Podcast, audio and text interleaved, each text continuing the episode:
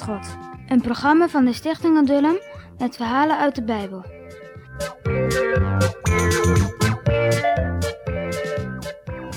Niet ver van de plaats waar de half afgebouwde toren stond, werd lang geleden de grote stad Ur gebouwd. Mensen in die stad bogen zich voor de maan en de sterren. Die aanbaden zij. Dicht bij die stad, bij de groene weide, woonde de rijke veeherder Tera. Hij woonde er in tenten, want hij wilde dicht bij zijn vele koeien, schapen en geiten wonen. Hij had ook drie zonen, Abram, Nahor en Haran, die hem hielpen om voor het vee te zorgen. Maar ook Tera en zijn zonen bogen zich voor de goden van Ur.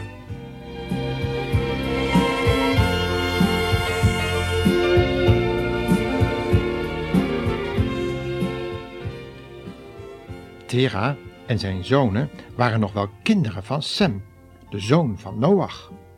Het leek wel of er niemand meer zou overblijven om de Heere lief te hebben.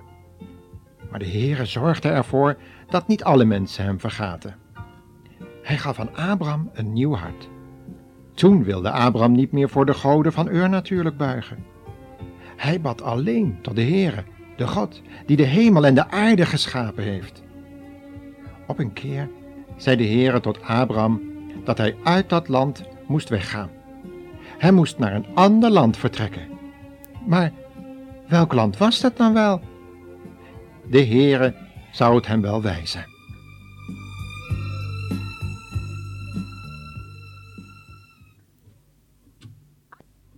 Abraham wordt zelfs een vriend van God genoemd. Hij liet alles achter en ging daar waar God hem heen stuurde, zonder te weten waar hij terecht zou komen. Luister maar.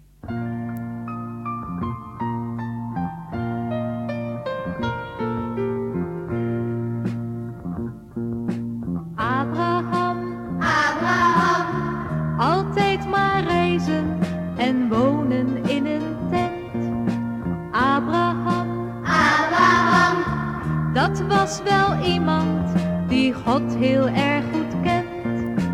Abraham Abraham, liet alles achter en trok naar het beloofde land. Abraham Abraham, keek naar de hemel en ook naar het grote strand.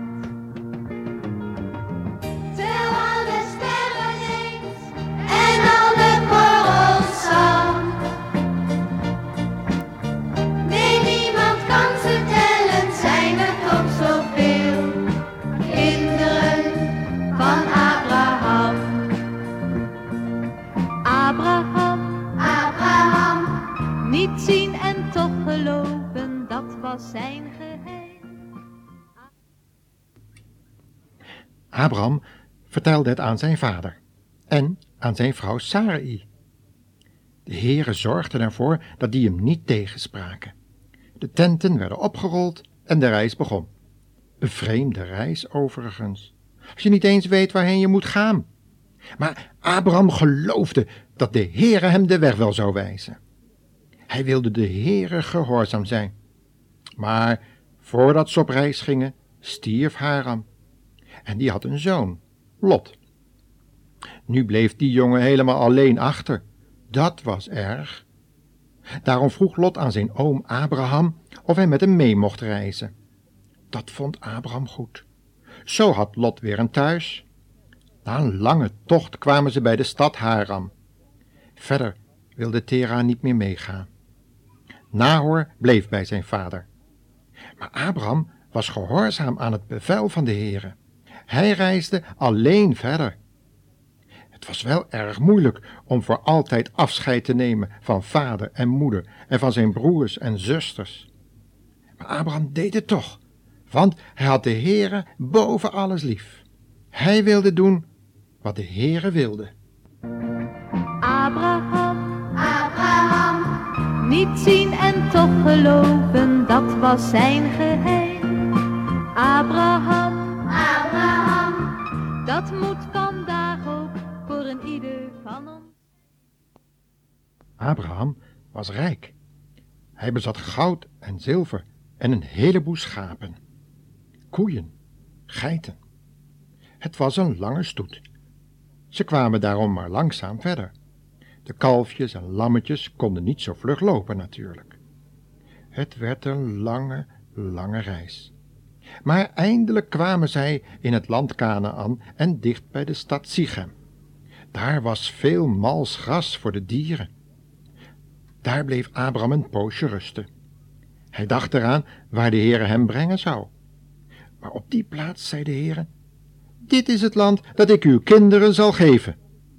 Toen werd Abraham heel blij, want nu wist hij dat God hem en Sarai een zoon zou geven. Want ze hadden nog geen kind. Toen bouwde hij daar de Heere een altaar en prees de naam van God. En de Heere zorgde voor hem. Hoe alles zou gaan wist Abraham natuurlijk niet.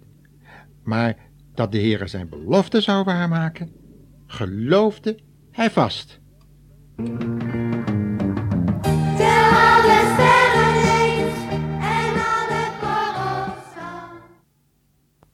En dan nu de quizvraag van deze week. Nou, daar komt de vraag weer, hoor, jongens. En meisjes, luister goed. Want als het antwoord goed is, dan krijg je van ons weer een presentje. Waarom werd Abraham een vriend van God genoemd? Nog een keer. Waarom werd Abraham een vriend van God genoemd? Succes hoor!